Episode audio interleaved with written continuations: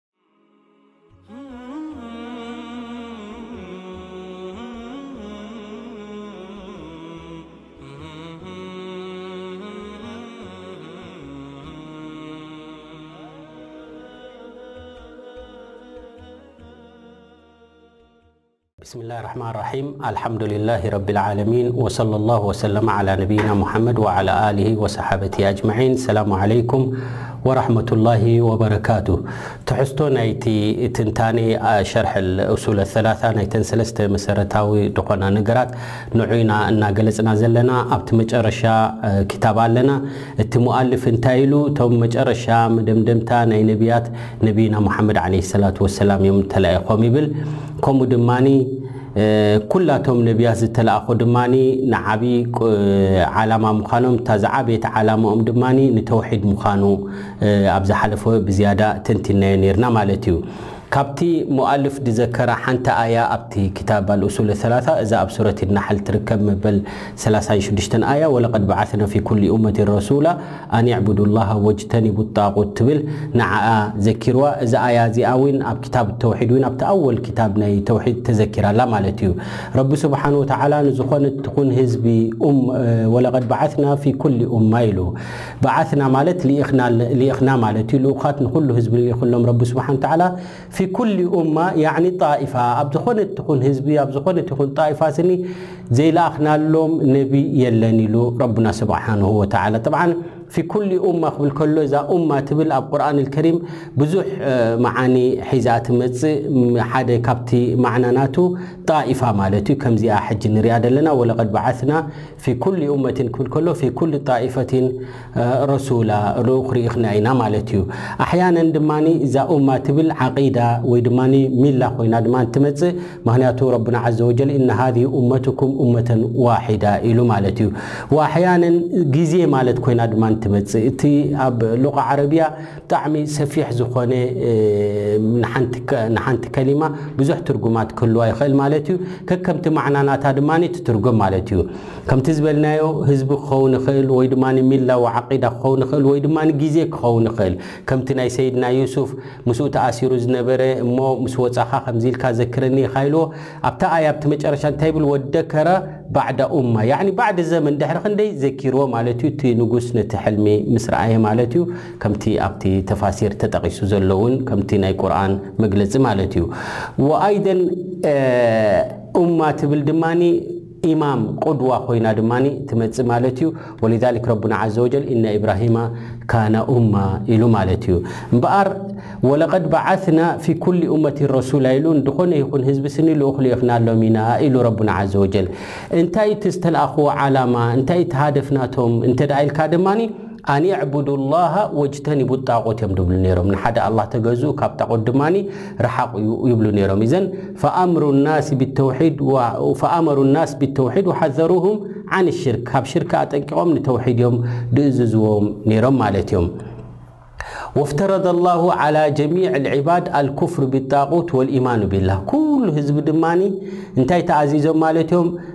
ብጣኦት ክሒዶም ብኣላህ ስብሓነሁ ወተዓላ ብሓደ ጎይታ ኻልቅ ኣሰማዋቲ ወልኣርድ ዝኾነ ብኡ ጥራሕ ንኽኣምኑ ድማ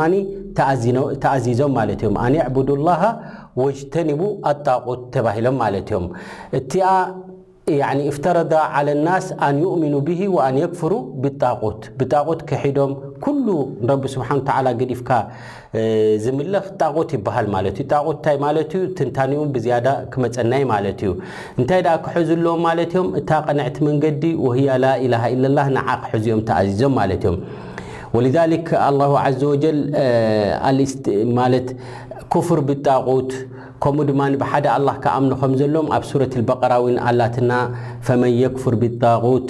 ወዩእሚን ቢላህ ፈቀድ እስተምሰከ ቢልዑርወቲል ውስቃ ለንፍሳመ ለሃ ወላሁ ሰሚዑን ዓሊም እዚኣ ኣብ መበል ክልተ ሚእትን ሓምሳን ሽዱሽተን ኣያ ትርከብ ኣብ ሱረቲል በቀራ ማለት እዩ እቲ ብጣኦት ክሒዱ ብኣላህ ስብሓን ወተዓላ ብሓደ ኣላህ ዝኣምን ዝኾነ እዚ እዩ እቲ ብሓቂ ቅኑዕ መንገዲ ተሪር ዝኾነ መንገዲ ዘይቋረፅ ዝኾነ መንገዲ ሒዙ ዘሎ እቲ ብሓደ ኣላህ ስብሓን ወተዓላ ድኣምን እዩ ማለት እዩ እዘን ወላ ቡዳ መዓ ተውሒድ ኣን ዩትረከ ሽርክ፣ ተውሒድ ምስ ሓዝካ ካብ ሽርክ ድማ ክትርሕቅን ክትክሕዶን እዩ ዘለካ ማለት እዩ። እኹል ኣይኮነን ምእማን ብተውሒድ ጥራሕ በቲ ባጥል ደሎ ድማ ባጥል ምዃኑ ድማ ክትፈልጥን ክትክሕዶን እዩ ዘለካ ማለት እዩ። ጠብዓን ኢማን እብኒ ልቀይም ራሕመቱላህ ዓለይህ እብኒ ልቀይም ዩለቀብ ብሸምሸዲን ዋው ሸምሹዲን ተባሂሉ ሸምሱዲን ተባሂሉ ይጽዋዕ ማለት እዩ። እዚ እንታይ ማለት እዩ? ብርሃን ዝነበረ ብዙሕ ነገራት ኣሓዲስ ናይ ረሱል ይኹን ከምኡ ድማ ዝነበረ ኩነታት ይኹን ከምኡ ድማ ናብ ረቢ ዘቀራርብ መንገድታት ብዙሕ ዝገልጽ ዝነበረ ሓደ ካብቶም ዓበይቲ ዑለማ እዩ። ካብቶም ተምሃሮ ናይ ሸኽ ልእስላም እብኒ ተይሚያ ዝነበሩ እዩ። ወሊዛሊክ እብኒ ሓጀር እንታይ ይብል ሸኽ ልእስላም እብኒ ተይሚያሲ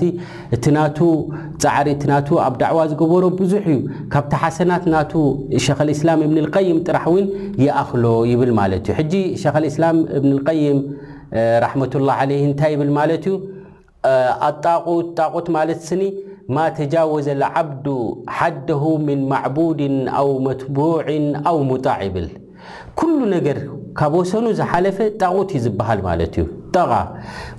ድኾነ ይኹን ወይ ዝዕበድ እንተ ኮይኑ ደምልኽዎ እንድሕር ደኣ ኮይኖም እዚ ወሰኑ ሓሊፉ ኣሎ ክምለኽ ኣይግብኦን እዩ ነይሩ። ብሓቂ ዝምለኽ ኣላህ ስብሓን ወተዓላ እዩ። ዘን ደረቱ ስለ ዝጠሓሰ ማዕቡድ እንተ ኮይኑ እዚ ጣቑት ይበሃል ማለት እዩ። ኣው መትቡዕ ክትክተሎ ዘለካ ድማ ንቁርኣንን ንሱናን ጥራሕ እዩ ንረሱል ዓለይሂ ሰላቱ ወሰላም ኢኻ ክትክተል ዘለካ ማለት እዩ። ንኻሊእ ድማ ከምኡ ጌርካ እንተ ትኽተሎ ኮይንካ ኣብ ጣዖት ኣብጺሕካዮ ኣለኻ ማለት እዩ። ኣው ሙጣዕ ኩሉ ድማ ትእዝዛዛት ናይ መን ኢኻ ክትክተል ዘለካ ናይ ቁርኣንን ናይ ሱናን ኢኻ።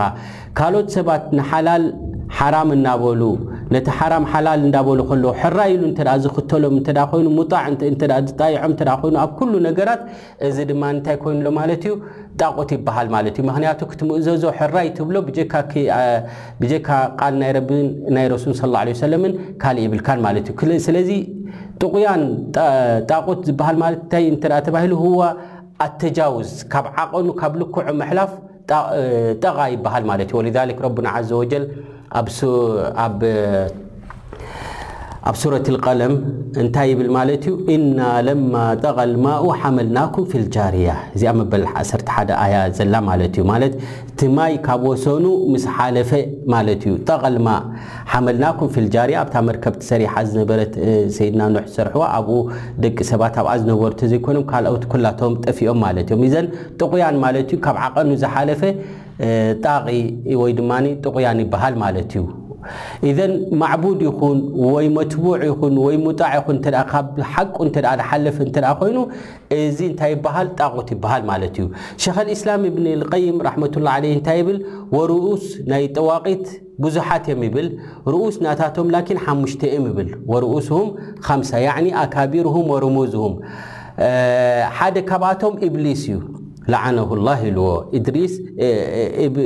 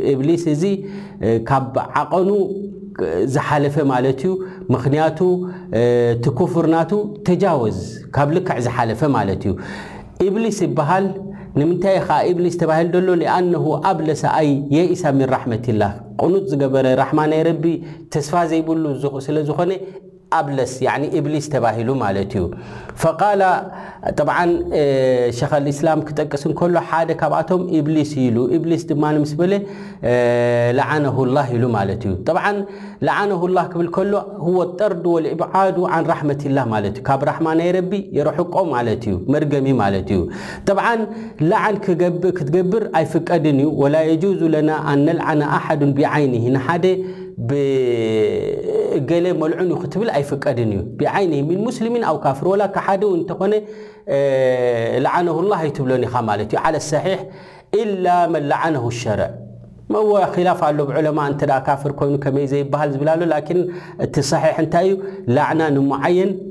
ክትገብር ኣይፍቀደካን እዩ ማለት እዩ ወሊዛሊክ ሸኽ ልእስላ ሸኽ ሙሓመድ ብኒ ሳልሕ ኣልዑሰይሚን ራሕመቱላ ዓለይ ኣብቲ ክታብ ተውሒድ እናጠቐሱ እንከሎ ኣብ ባብ ማጃኣ ፊ ዘብሒ ሊገይርላህ እንታይ ይብል ማለት እዩ ኣልፈርቁ በይነ ላዕን ኣልሙዓየን ወላዕን ኣህሊ ልመዓሲ ዓላ ሰቢል ኣልዕሙም ንሓደ ብንጽሉ እዚ መልዑን ክትብልን ኣብኡ ከለኻ ብሓፈሻ ዘቲ ዘንብታት ላዕና ዘውድቕ ዝገበሩ መልዑን ክትብልን በበይኑ ይብል ማለት እዩ ንሙዓየን መምኑዕ ይብል ማለት እዩ ወሳኒ ጃኢዝ ዓም እንተኾይኑ ግን ይፍቀድ ይብል ማለት እዩ መሰለ ነዚ ምሳሌ እንታይ የምፃልና ማለት እዩ ፈኢዛ ረኣይታ መን ኣዋ ሙሕዲሰን እንተ ንሓደ ገለ ነገር ዝገበረ ወይ ሙብተዲዕ ኮይኑ ወይ ድማ ገለ ነገር ሓድሽ ሙህዘታት ምሂዙ እዚ ሰብ እዚ ክቕጻዕ ዝግብኦ ነዚ እንተ ደኣ ኣዕቂብካዮ እቲ ዘዕቁብ ሰብ መልዑን እዩ ከምቲ ነቢ ዓለይሂ ሰላቱ ወሰላም ዝበልዎ ማለት እዩ ላኪን ስለ ዘዕቆበ ለዓነከ ላህ ኣይትብሎን ኢኻ በል ቁል ለዓነ ላሁ መን ኣዋ ሙሕዲሰን ትብል ዓላ ሰቢል ኣልዕሙም ማለት እዩ። ወደሊሉ ዓላ ዛሊክ ኣነ ነቢይ ዓለይሂ ሰላቱ ወሰላም ማለት ንሙዓየንሲ ኣይፍቀድን እዩ ወላ ከሓዲ እውን እንተኾነ ዝብሉ ዘለዉ ዑለማ ካብ ምንታይ እዮም ተመርኪሶም እንተ ኢልና ኣብ ሓዲስ ኣሰሒሕ ኣሎ ኣነቢይ ዓለይሂ ሰላቱ ወሰላም ኣብ ኣህሊ እቶም ኣብ ጃሂልያ ዝነበሩ ሰባት እቶም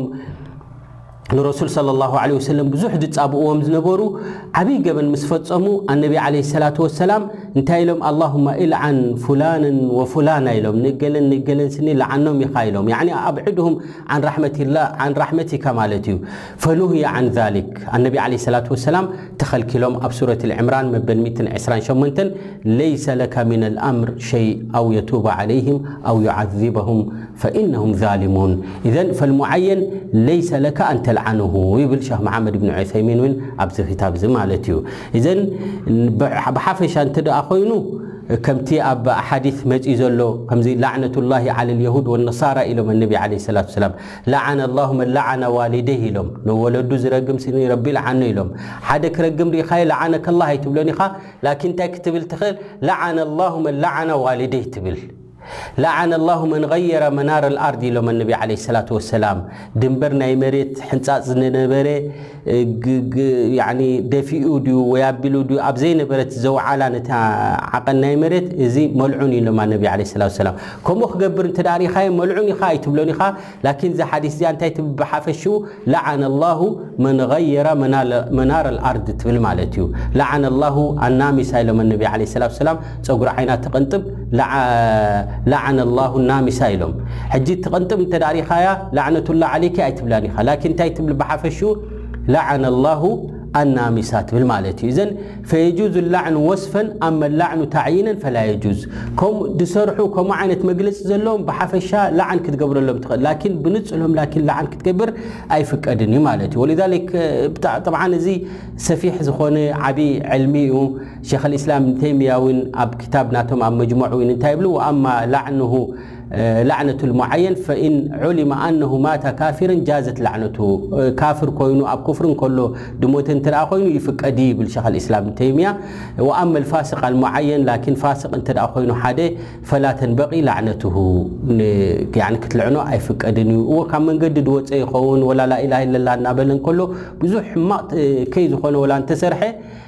ነዚ ሰብ እዚ ክትልዕኖ ኣይፍቀደካን እዩ ከምቲ ሓደ ነይሩ ዓብዱላህ ብኒ ሕማር ዝበሃል እዚ ኣብ ሓዲት ሰሒሕ ዘሎ ማለት እዩ ዓላ ዓህዲ ረሱሉላሂ ሰለላሁ ዐለይሂ ወሰለም ብዙሕ ግዜ ኸምር ይሰቲ ይቐጽዕዎ ሰብ ኸምር ይሰቲ ይቐጽዕዎ ነይሮም ማለት እዮም ብዚ ዓብዱላህ እብኒ ሕማር ይብልዎ ነይሮም ማለት እዮም ወሊዛሊክ ሓደ እዋን ኣነቢ ዓለይሂ ሰላቱ ወሰላም እናገረፍዎ እንከለዉ ወይ ድማ ቅጽዕዎ ኢሎም እንዳተቐጽዐ እንከሎ መስተ ብምስታዩ ሕጂ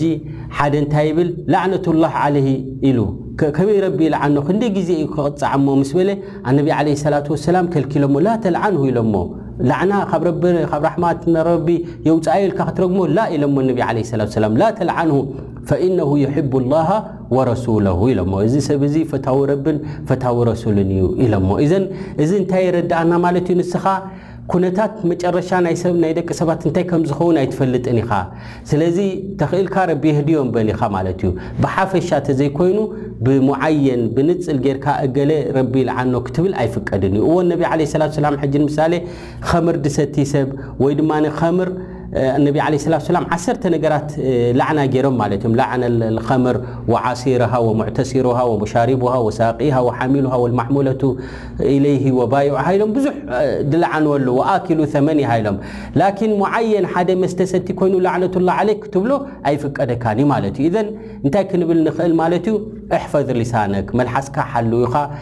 ላዕና ኣይትግበር ኢኻ ንውላድካ ይኹን ንእንስሳ ይኹን ንዝኾነ ላዕነቱላህ ዓለይክ ዝብል እዚ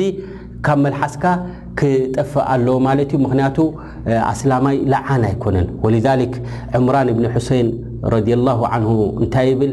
በይነማ ረሱሉላሂ ሰለላሁ ዓለይሂ ወሰለም ፊ ባዕዲ ኣስፋሪሂ ወምረኣቱን ሚነል ኣንሳር ዓላ ናቀቲን ፈደጀረት ፈለዓነትሃ ሓደ እዋን ስኒ ኣብ መገሻ እንከለና ሰብ ስንቁ ሒዙ እናኸደ እናተበገሰ እንከሎ ስኒ ሕጂ ሓንቲ ሰበይቲ ካብ ደቂ ኣንሳር እያ እታ ግመል ናታ ማለት ምትሓዝ ኣብያታ ብዙሕ ነገራት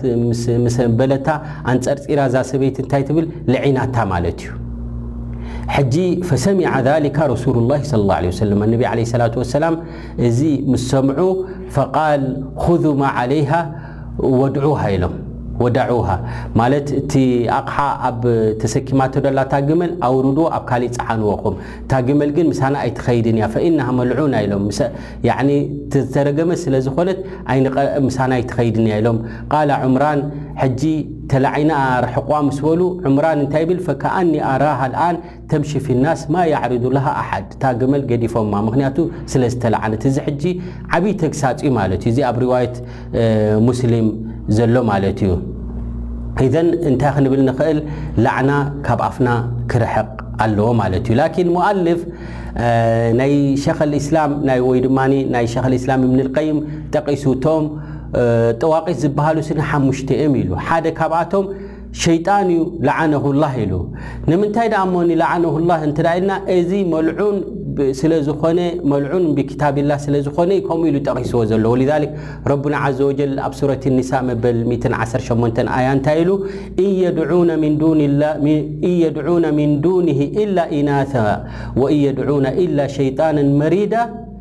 ለዓነሁ ላህ ኢሉ ለዓነሁ ላህ ወቃለ ለኣተኺዘነ ሚን ዒባዲካ ነሲበን መፍሩዳ ኢዘን መልዑን ብልኪታብ ስለ ዝኾነ እዩ ይብሉ ማለት እዮም ወሊዛሊክ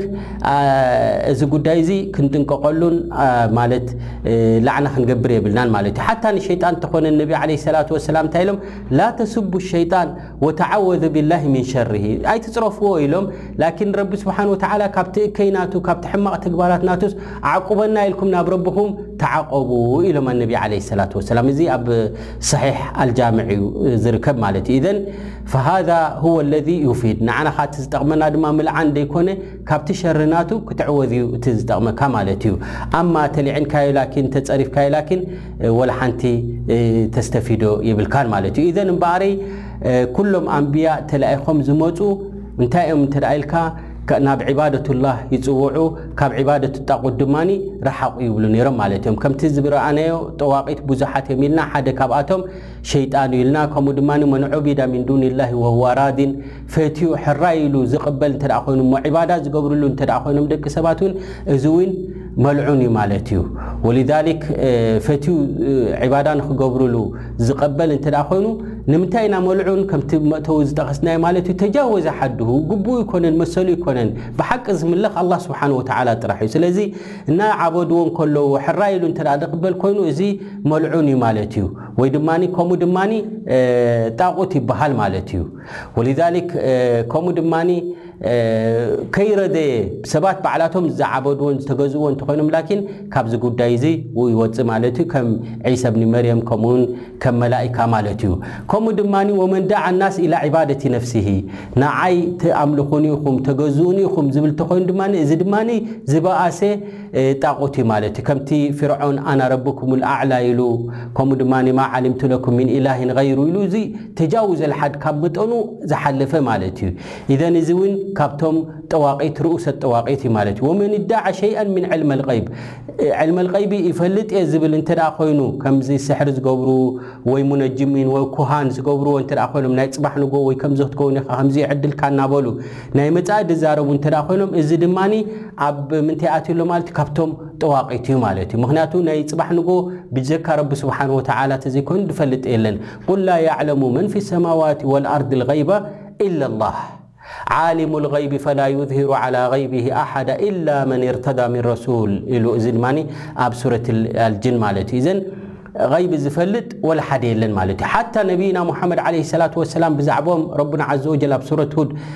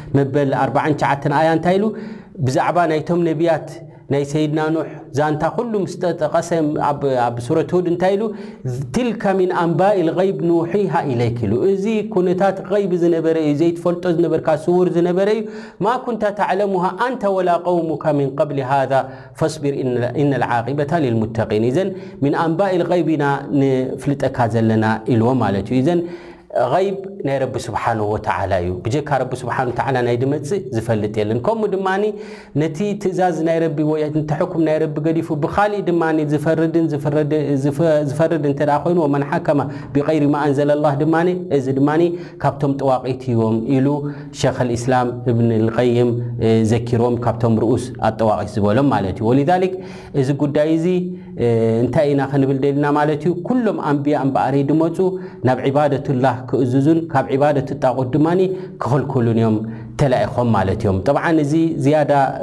ስፍሕ ድበለ መግለጺ ዘድልዮ ጉዳይ እዩ። እንተኾነ ግን እቲ ግዜ ስለ ዝኣኸለ እንሻኣላህ ኣብቲ ድመጽእ ትሕዝቶ ብመደምደምታ ናይዚ ሒዝናዮ ዘለና ክታብ ኣልኡሱል ሰላሳ ክሳብ ንራኸብ በዚ ኣብዚ ትሕዝተይ እውድእ ማለት እዩ። ወኣስኣሉላህ ተዓላ ኣተውፊቀ ወሰዳድ ወሰለላሁ ወሰለመ ዓላ ነብይና ሙሓመድ።